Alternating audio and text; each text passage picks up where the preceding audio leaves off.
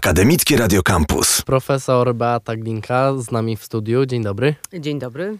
Chcemy porozmawiać na temat konkursu Przedsiębiorca Roku Uniwersytetu Warszawskiego, który przed nami, ale rekrutacja już trwa, prawda? Można się zgłaszać. Rekrutacja zaczęła się dwa dni temu, 16 stycznia. Potrwa jeszcze chwilę do e, początku kwietnia. E, no ale jeśli ktoś chciałby już teraz, to może się albo zapisać, albo przynajmniej przejrzeć formularz. Mhm. Gdzie można znaleźć taki formularz? E, ten formularz jest na stronie internetowej e, konkursu, e, która ma adres przedsiębiorcaroku.uw.edu.pl. No zresztą w wyszukiwarce też względnie łatwo to znaleźć. Mhm. I kto takim przedsiębiorcą roku Uniwersytetu Warszawskiego może zostać? No, jakbym powiedziała, że każdy, to bym może trochę przesadziła, ale jest to konkurs, w którym chcemy pokazać, że mm, uniwersytet tworzył i tworzy środowisko dla powstawania, e, sprzyjające dla powstawania interesujących pomysłów przedsiębiorczych i to zarówno tych w biznesie, jak i tych w sferze społecznej, takich, które rozwiązują ważne problemy społeczne. No i zachęcamy wszystkich, którzy taki pomysł y, stworzyli, mają na koncie, albo prowadzą firmę, albo jakąś fundację, mm, albo też są przedsiębiorczymi pracownikami i są absolwentami, studentami, e, pracownikami, doktorantami e, naszego uniwersytetu. Konkurs jest też podzielony na kategorie. Jakie są te kategorie? E, tak, w tej chwili kategorii mamy pięć. Może zacznę od takiej dla tych, którzy są e, najkrócej, ale na rynku. To jest kategoria e, startup e, roku. I do tej kategorii zapraszamy tych, którzy mm, działają na rynku nie dłużej niż 5 lat i mają już się czym pochwalić. W ubiegłych latach tam naprawdę zgłaszały się bardzo, bardzo interesujące firmy. Część z nich rzeczywiście prężnie się e, rozwija, częściej nawet umiędzynarodowiła. E, druga kategoria to jest kategoria innowacja, innowator roku.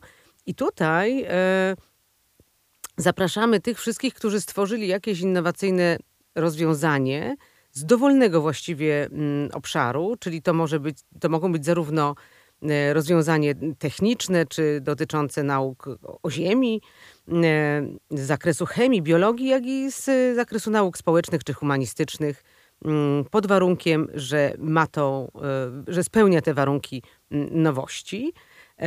Trzecią kategorią jest kategoria przedsiębiorca społeczny. No i właśnie ta kategoria jest dla tych, którzy wspierają działania na rzecz społeczności, lokalnej, na rzecz społeczeństwa, na rzecz przede wszystkim rozwiązywania takich problemów, które są dla nas y, wszystkich ważne. I tutaj y, w tej kategorii mieliśmy zarówno mm, takie rozmaite organizacje charytatywne, jak i organizacje biznesowe, które wspierały mm, rozmaite idee społeczne w swojej działalności. E, no wreszcie czwarta kategoria to jest kategoria Master of Business. To jest już dla tych, którzy działają na rynku dłużej i mają się mm, czym pochwalić, to znaczy sukcesy na rynku krajowym lub międzynarodowym. No i proszę mi uwierzyć, że naprawdę e, w tej kategorii uniwersytet ma się e, czym pochwalić. Ma wielu absolwentów, którzy prowadzą znane firmy, znane w Polsce i znane mm, na świecie. I ostatnią kategorią jest kategoria E, dla tych, którzy nie mają własnego biznesu, mm, ale są innowacyjni. Czyli każdy z nas na pewno zna takie osoby wśród nas, które pracując dla kogoś, pracując w firmie, e, w dowolnej właściwie branży, e, są takimi niespokojnymi duchami, którzy szukają możliwości usprawnień i wdrażają te usprawnienia. I to jest kategoria przedsiębiorca korporacyjny, gdzie właśnie zapraszamy te osoby, które własnych firm nie mają, ale innowacyjne rozwiązania u kogoś innego e, wdrażają. I to jest te, te pięć kategorii, które w których w tym roku zapraszamy do zgłoszeń. Mhm. Mówi Pani, że Uniwersytet Warszawski ma się czym pochwalić w wielu z tych e, kategorii. To jest szósta edycja tego mhm. konkursu, to jest cykliczny konkurs. To w takim razie mm, jakie, e, jakie właśnie organizacje, jakie przedsiębiorstwa wygrywały w zeszłych latach? No nie chciałabym tu nikogo skrzywdzić, bo lista się naprawdę y, wydłużyła. E, I bardzo znacząco i na początku, oczywiście w pierwszej i drugiej edycji tych zgłoszeń mieliśmy znacznie mniej i konkurs był na taką, no powiedziałabym, e, względnie małą e, skalę, też i to wręczenie nagród miało charakter owszem uroczysty, ale nie aż taki angażujący społeczność akademicką, jak to się dzieje obecnie. I nawet w tej pierwszej edycji mieliśmy firmy, o których pewnie e, każdy z nas przy tej czy innej okazji słyszał, bo na przykład było to Warsaw Genomics, czyli firma, która zajmuje się badaniami m, genetycznymi, która wyrosła e, z badań prowadzonych w Uniwersytecie m, Warszawskim.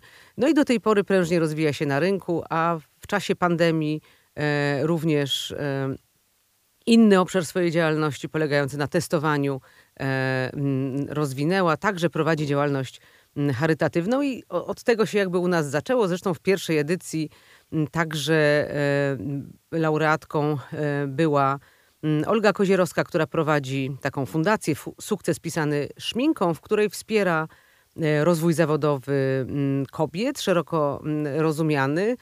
I to również jest bardzo znana organizacja, która już w tej chwili kilkanaście lat działa na rynku. Później do tego grona dołączył na przykład, widziałam chyba na stronach uniwersytetu albo na stronach inkubatora, że ostatnio gościł Państwa profesor Jemility e, i e, jego e, firma Explorna, w której znowu bardzo nowoczesne odkrycia związane z mRNA są opracowywane, doskonalone i wdrażane. To też jest jeden z naszych laureatów, bodajże to akurat laureat z okresu mm, pandemii, bo czyli czwarta prawdopodobnie edycja. No a w ubiegłym roku mieliśmy chociażby takie podmioty jak Kreotech, który jest, y, no można powiedzieć, że jednym z liderów polskiej branży kosmicznej. E, bardzo zaawansowane rozwiązania dla produkcji e, satelitów. E, no a w kategorii Master of Business wygrała firma CD Projekt, która jest jednym z największych światowych y, producentów y, gier i na pewno część z Państwa y, doświadczyła tych gier w praktyce. No na pewno, czy to ostatnio Cyberpunk, czy, czy wcześniej e, Wiedźmin, to, jest, e, to są tytuły znane na całym świecie. A kto wybiera e, zwycięzców? W tej chwili mamy, mm, na początku mieliśmy tylko organizatorzy plus niewielka kapituła konkursu. A w tej chwili z uwagi na większą liczbę zgłoszeń, ale też z uwagi na to, że są to zgłoszenia z bardzo różnych obszarów i my musimy po prostu mm, w sposób racjonalny je ocenić i porównać, co czasami jest bardzo trudne, bo jeśli mamy do porównania rozwiązanie z zakresu nauk społecznych i z zakresu na przykład informatyki, e, no to nie zawsze e, gdzieś tam to wyważenie jest bardzo łatwe. Dlatego też mamy dwustopniową mm, procedurę. No, oczywiście najpierw organizatorzy my y, sprawdzamy, czy formalnie wszystkie wymogi zostały spełnione. To znaczy, czy na przykład firma nie, nie działa już na rynku zbyt długo jak na startup, startup albo zbyt krótko jak na Master of Business. No i te firmy, które to na ogół jest przeważająca większość, które spełniają wszystkie formalne wymogi, trafiają na biurko komisji Komisji przewodniczy e, współzałożyciel jednego z największych w Europie Środkowo-Wschodniej wschodniej funduszy Venture Capital, e, Adam Niewiński. E, I w, te, w skład tej komisji wchodzą zarówno przedstawiciele różnych jednostek uniwersytetu, jak i przedstawiciele świata biznesu, po to, żebyśmy mieli różny ogląd na to, co dzieje się w tych, wśród tych zgłoszonych e, firm. Dodam jeszcze, że dla komisji bardzo ważne jest to, żeby promować dobre praktyki. To znaczy, mm, rzeczywiście, jeśli wobec któregoś z kandydatów e, są jakieś wątpliwości, my wtedy jako organizatorzy dostajemy od komisji zadanie bardziej wnikliwego sprawdzenia, czy aby na pewno wszystko jest ok, czy aby na pewno ta firma e, działa zgodnie, no nie tylko z, prawami rynku, ale też z zasadami etycznymi, bo chcielibyśmy promować takie rozwiązania, które e, którymi naprawdę warto się e, pochwalić. Zresztą praktyka też uczy, że abstrahując od y, innych kwestii, to, to te rozwiązania, które są w sposób przyzwoity i rzetelny robione, mają większą szansę też na dłuższe trwanie na rynku i do, dobry PR na rynku. No i komisja wybiera finalistów albo nie. To znaczy czasami komisja na przykład decyduje, i tak się nam parę razy zdarzyło, że w jakiejś kategorii nie zgłosiły się takie firmy, które my chcielibyśmy pokazać jako dobre praktyki. Mhm. Ale na ogół e, w większości kategorii, e, albo we wszystkich, w zależności od e, roku, mm, my, mm, mówię my, dlatego że też jestem członkinią tej komisji, my przekazujemy listę mm, finalistów wraz ze szczegółowymi danymi dalej do ostatecznego ogniwa w naszym w naszym konkursie, czyli do kapituły, która decyduje, którzy konkretnie, mm, e, które konkretnie rozwiązania, którzy konkretnie przedsiębiorcy będą nagrodzeni.